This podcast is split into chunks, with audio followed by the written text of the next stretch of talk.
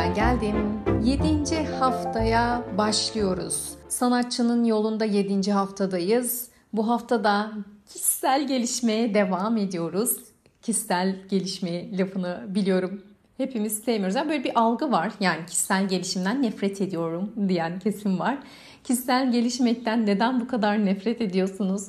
Neden? Ya evet kelime çok böyle artık içi boşaltılmış görüyor ama şöyle diyelim. Bireysel gelişim yolculuğumuza devam ediyoruz. Hayat yolculuğumuza devam ediyoruz. Gelişmediğimiz yerde hani tabiri caizse ölüyoruz. O yüzden 7. haftada ilişki kurma duygusunu yeniden kazanmayı konuşuyoruz. Yani ben konuşuyorum, siz dinliyorsunuz. Burada biraz kitabın aslında niyeti şu. Etkin becerilerimizi yani güçlü yanlarımızı, kişisel hayallerimizi artık biraz daha fazla temas etmeyi, artık uygulamaya geçmek istiyor yani kitapta. Biraz daha kişisel hayallerimize temas etmemizi, alıştırmalar yapmamızı, yazılar yazmamızı ve görevleri artık yapmamızı istiyor.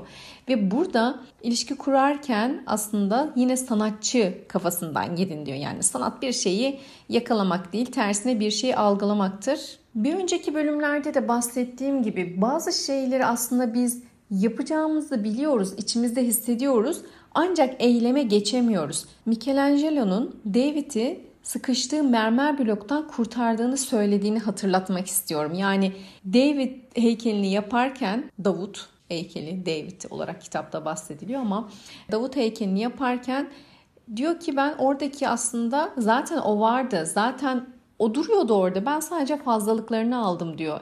Yani bizim de aslında burada içimizden gelen o sesi ortaya çıkartıp fazlalıklarına şekil vermemiz yeterli olacak. Burada aslında iletişim temelinde kendimizle olan iletişimden bahsediyor. Örneğin kendimize kulak vermekten, izlemekten ve kağıda geçirmekten bahsediyor. Bizim görevimiz sadece bu. Hali hazırda olan şeyler yani şöyle bir cümle var hatta resmin kendi yaşamı var.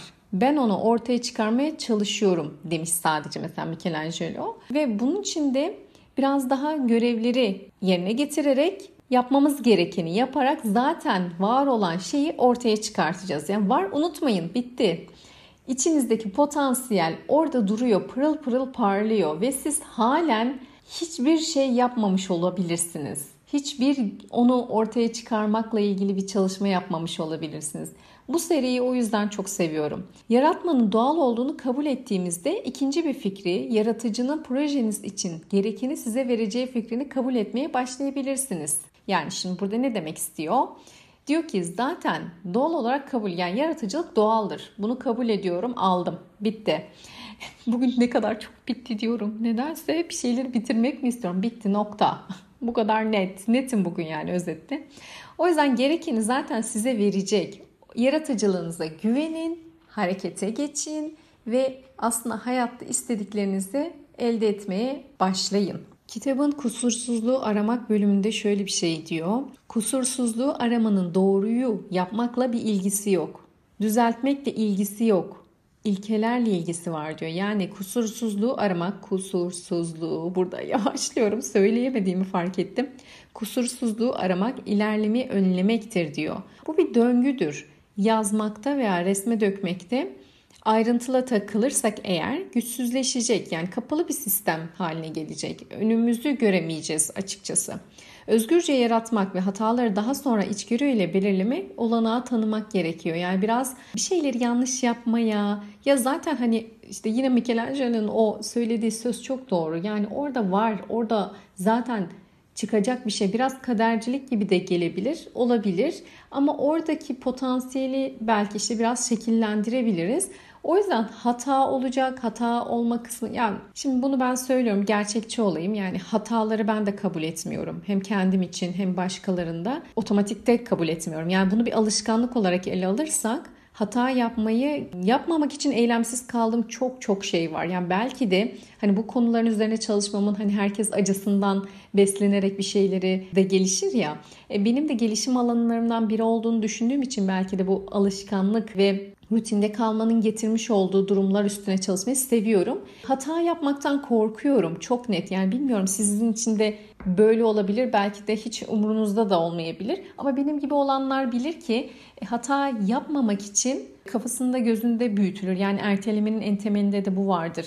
Veya da şu olabilir. E, alınacak kararda, yapılacak eylemde hatalı bir durum olduğu zaman bununla baş edemeyeceğini düşünebilir. Ben de bu durumu uzun süre önce fark ettim. Yani ben bir şeyleri erteliyorsam orada yapacağım hatalı bir davranıştan dolayı yükleneceğim belki o yetersizlik duygusuyla baş edemiyor olmak ya da hatayı kabul etmemek, kendimi fazlasıyla hırpalama kısmı korkuttuğu için belki de karar almayıp, eyleme geçmeyip, hata yapmamayı tercih ediyorum. Çok küçüklükten bir anım var. Yani bunu sizinle paylaşmam ne kadar doğru ama genelde hani yakınları bilirler. Böyle ilkokuldayken gece gündüz oynardık, deve cüce oynardık. Ben kazanamayacağım diye oyuna girmediğimi hatırlıyorum. Ya bir çocuk için oyun eğlencedir ama benim için orada başarısızlık duygusunu hissetmemek için eylemde bulunmama. Ne yapardım? Karnım ağrıyor falan derdim. Bilmiyorum var mı e, aramızda benim gibi olanlar ya da sadece tek ben miyim demek istiyorum. Tabii ki eminim yok. Yani benim gibi olan yok demiyorum. Var tabii ki böyle insanlar. O yüzden Şimdi gelelim yani kusursuzluğu aramak çok da yaratılışımıza ters. Evet hep diyoruz mükemmel yaratılmışız her şeyimizde Allah'a şükür ama bence kusursuzluğu aramayı kim çıkardıysa orada bizi mahvetmiş. Bence hepimiz olduğumuz gibi güzeliz ama tabii ki bu şeyle e, çakışıyor. Onu düşünüyorum arada. Yani evet e, kendime şefkat gösteriyorum. Kendimi işte olduğum gibi kabul ediyorum. Ama olduğum gibi kabul ettiğim noktada ben olduğumu söylediğim noktada o zaman gelişemem ki. Yani zaten hayatın özellikle benim son dönemde okuduklarımdan, konuştuklarımdan, danışanlarımdan ve üstüne düşündüğüm her şeyden aldığım şey şu. Hayatın temeli mücadeleyle geçiyor. Yani o mücadele her zaman daha iyiyi bulabilme peşinde koşmakla alakalı. Ve hiçbir zaman oldum diyemiyoruz dememeliyiz de yani hep böyle şey deriz ya hani olduğun gibi kabul et kendini sev kendine işte yeterli bu kadar ya o zaman anlamı kalmıyor ki hayatın ya bir şeyler için çabalayarak o yolda olma süreci varmak değil hep onu söylüyoruz yüz bin kere belki bu lafı duymuşsunuzdur yine bu konuda kendimizle olan iletişimimizde devam ediyoruz ki hani kusursuzluğu aramayı da biraz belki hani sanatçı açısından bunu da e, vurgulamış olabilir kitap. Ama burada çok güzel bir bölüm var. Yani şunu söylüyor. Yazarken, çizerken, yaratırken kusursuzluğu arayanın gözü seyircidedir. Süreçten keyif almak yerine sürekli sonuçları puanlandırmaktadır. Bu kadar da değil ya. Lütfen bu kadar da değil. Yani evet bir şeyler yapıyoruz. Acaba acaba beğenilecek mi? Acaba oldu mu? demek gerçekten olayın esprisini kaçırmamıza, hayatı ıskalamamıza neden oluyor. Bu aralar Bursa Kitap Kulübü ile Simyacı'yı okuyoruz. Benzer içerikler var. Orada da paylaştığım bir nokta var. Diyor ki hayatlarımız hep aynı gidiyorsa normalleşmiş, rutinleşmiş ve o yüzden de iyi ve güzeli kaybediyor, görmezden geliyor olabiliriz. Bence o hedefe ulaşma yolculuğunda da biraz daha bilinçli. Mindfulness'ın bu kısmını çok seviyorum o yüzden. Bilinçli olarak yapılarak hedefe gitme kısmını her zaman doğru buluyorum. Yapabiliyor musun Pınar? ya bazen hani ben özellikle bu hayatı böyle sanki çok deneyimlemişim ama bu gelişimde biraz daha sanki yapmamam gerekenler ve işte kendime daha çok odaklanmam gereken aileme, çocuklara böyle durumları çok düşünüyorum. O yüzden ben biraz yapıyorum galiba. E, bazen de olmuyor. Yani işte oranlasak %10 falan olmuyor gibi ay bazında baktığımızda. Allah'a şükür bir şekilde yolda kalıp yolu izlemeye işte benim için mesela sabah yürüyüşleri bunu sağlıyor çok net. İşte sabah sayfalarını yazmak bunu sağlıyor. E, anı değerlendirebiliyorum. Duruyorum ya. Ya bir es veriyorum, duruyorum, bakıyorum. Sonrası zaten koşuşturmayla hep geçiyor.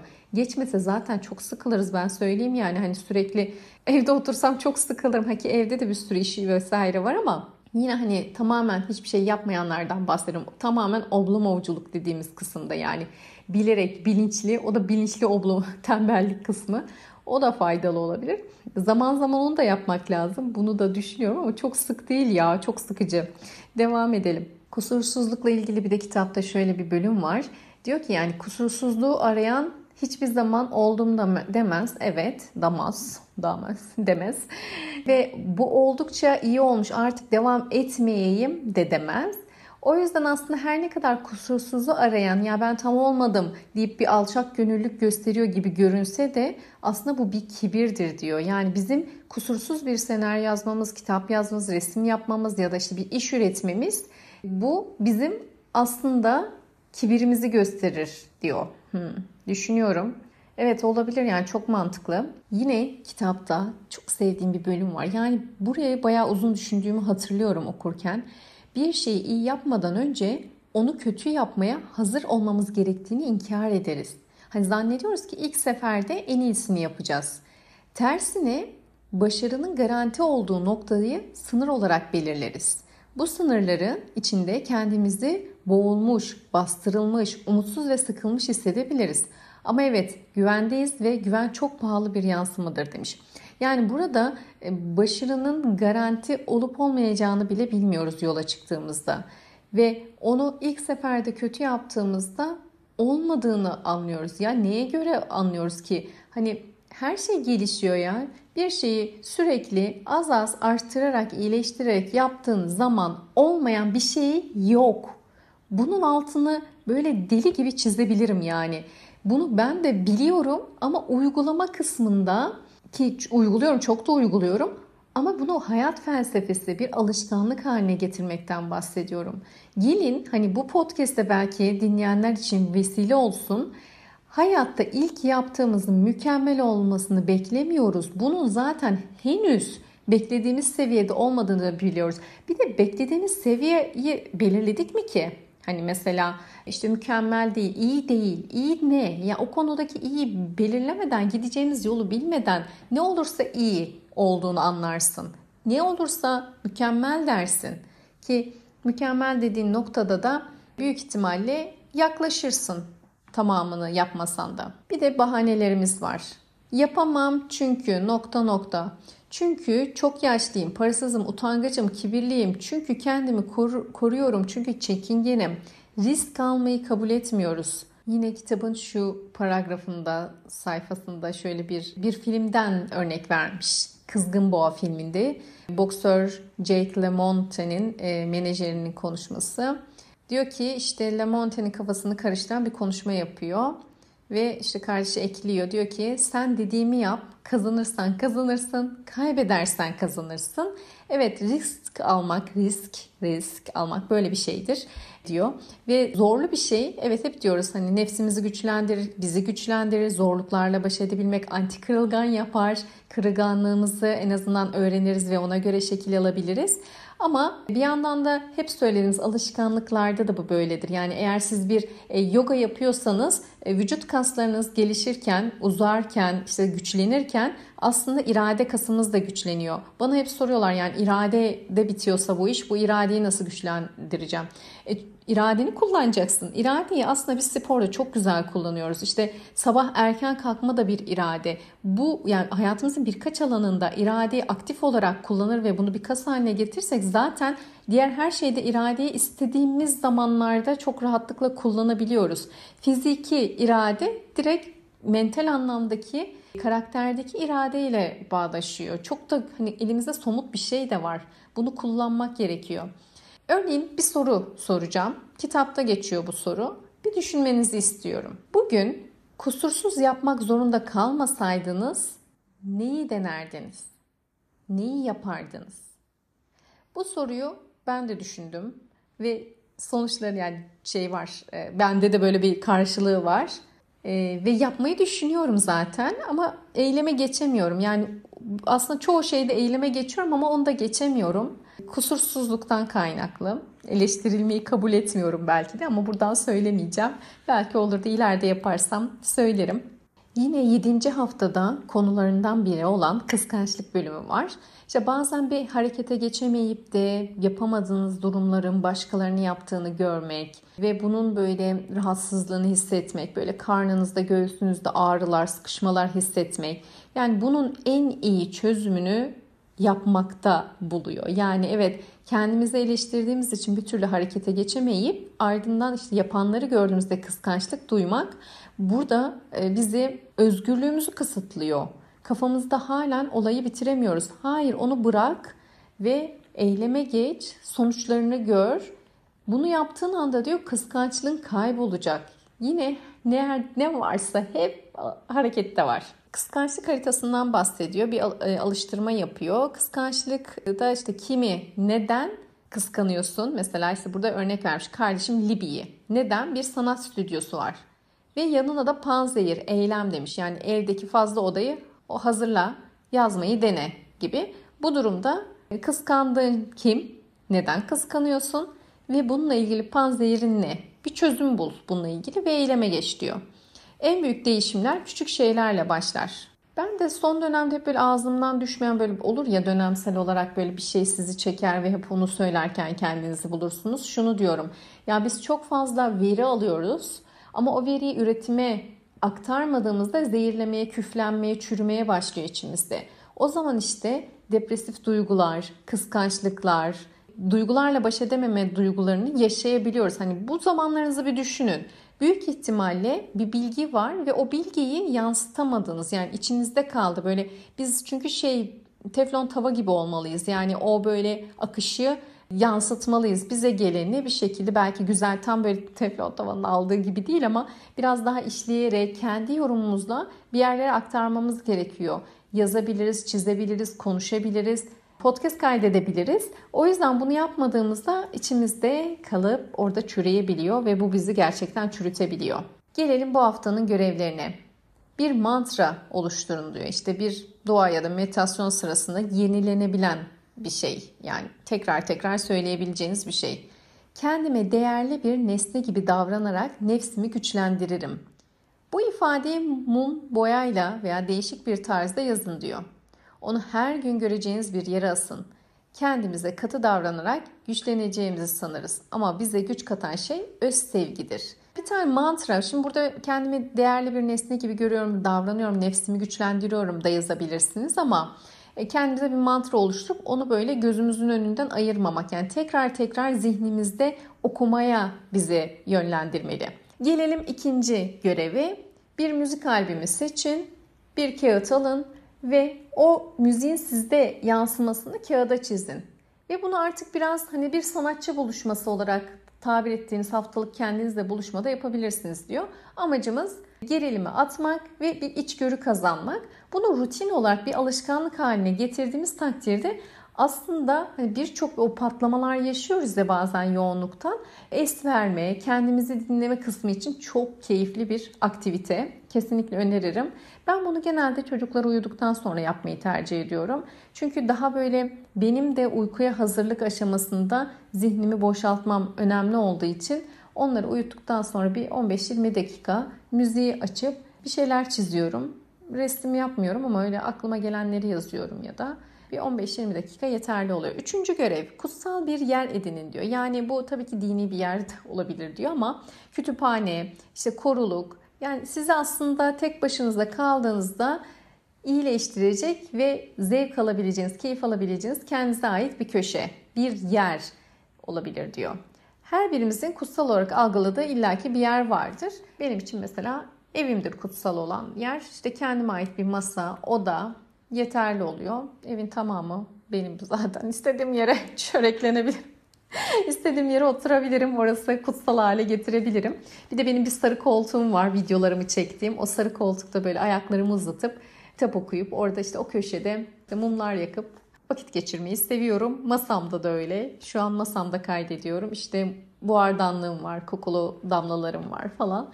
E, kutsal bir yer kendimce. Kendimi kutsuyorum. Çok saçma oldu biliyorum.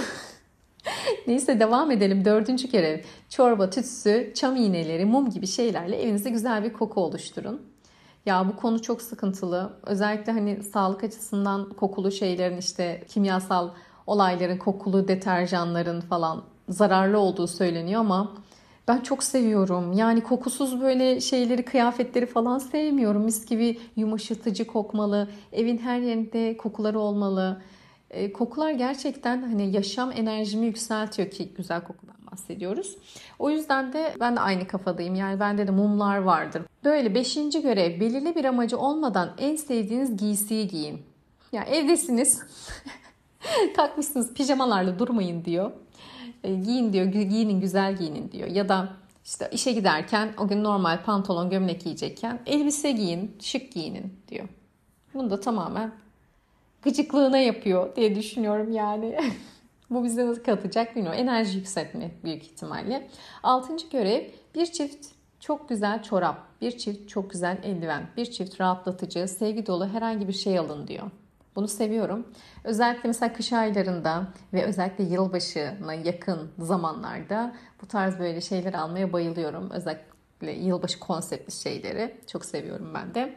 Yedinci görev kolaj. Kesip ayırabileceğiniz en az 10 dergi alın. 20 dakika içinde dergileri tarayın. Yaşamınızı ve ilgi alanlarınızı yansıtan imgeleri dergiden keserek alın. Daha sonra özdeşem öyküsü olarak düşündüğünüz böyle geçmiş gelecek ve şimdiki zaman olarak hayal ettiğinizde bu imgeleri oraya yapıştırın. Veya işte üstüne yazılar yazın, boyayın. Yani kendinizi aslında bir böyle arada baktığınızda sizi motive edecek ve amacınıza yönlendirecek hatırlatıcı olarak bunu kullanın. Diğer görev ise 8. görev çok çabuk en sevdiğiniz 5 filmi yazın. Çabuk aklına gelen diyor. Hemen yaz diyor. Bunların ortak bir noktası var mı? Konuları ne? Aşk mı, serüven mi, tarih mi, dram mı? Peki bu yapmış olduğunuz kolajda bu sinemadan çıkan temaların bir bağlantısı var mı diyor. Bir ona bakın. Dokuzuncu görev ise okumak için seçtiğiniz konuları yazın. Karşılaştırmalı olarak din, fizik, sinema, yoksulluktan zenginliğe hani ne olabilirse yine dön diyor kolejine bak. Burada bir bağlantı var mı okumak istediklerini. 10. görev ise kolejini böyle bir şeref konuğu gibi böyle baş köşeye koy. Ona öyle davran. Gizli bir yerde de olabilir. Dolabın içerisine de koyabilirsin diyor. Ve birkaç ayda bir değiştirebilirsin, eklemeler yapabilirsin. Aslında bu senin hayalini zenginleştirecek ve böylelikle aslında beynini programlamış olacaksın diyor. Şimdi genel olarak baktığımızda 7. haftadayız. 12 haftayı tamamlayacağız. Ben böyle arada aralar veriyorum. Kusura bakmayın ama işte yazanlarınız oluyor hani devam ediyoruz değil mi diye. Evet bu araları verme nedenim biraz da benim hani olayı sindirebilmemle alakalı sanırım. Normalde aslında e, stoklayıp çekme mem gerekiyor. Yapmam gereken bu ama o böyle aynı duyguyu vereceğini düşünmüyorum. Tekrar tekrar okuyup o duyguyu size yansıtmak istiyorum. Böyle bekletilmiş şeyler hoşuma gitmiyor. Anlık böyle gelişen olaylarla ilgili örnekler de vermeyi seviyorum. Umarım hani sizin için de çok çok sorun yoktur. Böyle devam ediyoruz. 8. haftayla önümüzdeki hafta bir arada olacağız. Şimdilik sanatçının yolu mantığını bu rutini, bu alışkanlığı umarım hayatınıza dahil etmeyi başarıyorsunuzdur. Sabah sayfalarını dediğim gibi haftada bir de yapıyor olsanız, haftalık değerlendirme olarak da bakıyor olsanız harika bir şey yapıyorsunuz. Sanatçının yolu için kendimize bir sanatçı gibi nasıl özeniyorsak, nasıl e, onu yüceltiyorsak haftada en az bir gün bir saat bunu kendimiz için yapmamız çok değerli. Genel olarak işte bu haftada dedik ki biraz kıskançlık dedik, biraz mükemmeliyetçilik dedik. Ama buradaki aslında iletişim kendimizle olan iletişimimiz. O samimiyeti kendimizle kurabilmemiz ve görevlerimiz içerisinde de bir kolaj hazırlama var. Kolajı da aslında hayattaki izlemek istediğimiz filmler ya da işte tarzlarına baktığımızda gerçekten bu bu değerlerimizle örtüşüyor mu? Gerçekten bir bağlantısı var mı? Buna baktık. Umarım keyif almışsınızdır. Ben böyle tekrardan bu kaydı yaptığım için çok keyif aldığımı söylemeden geçemeyeceğim.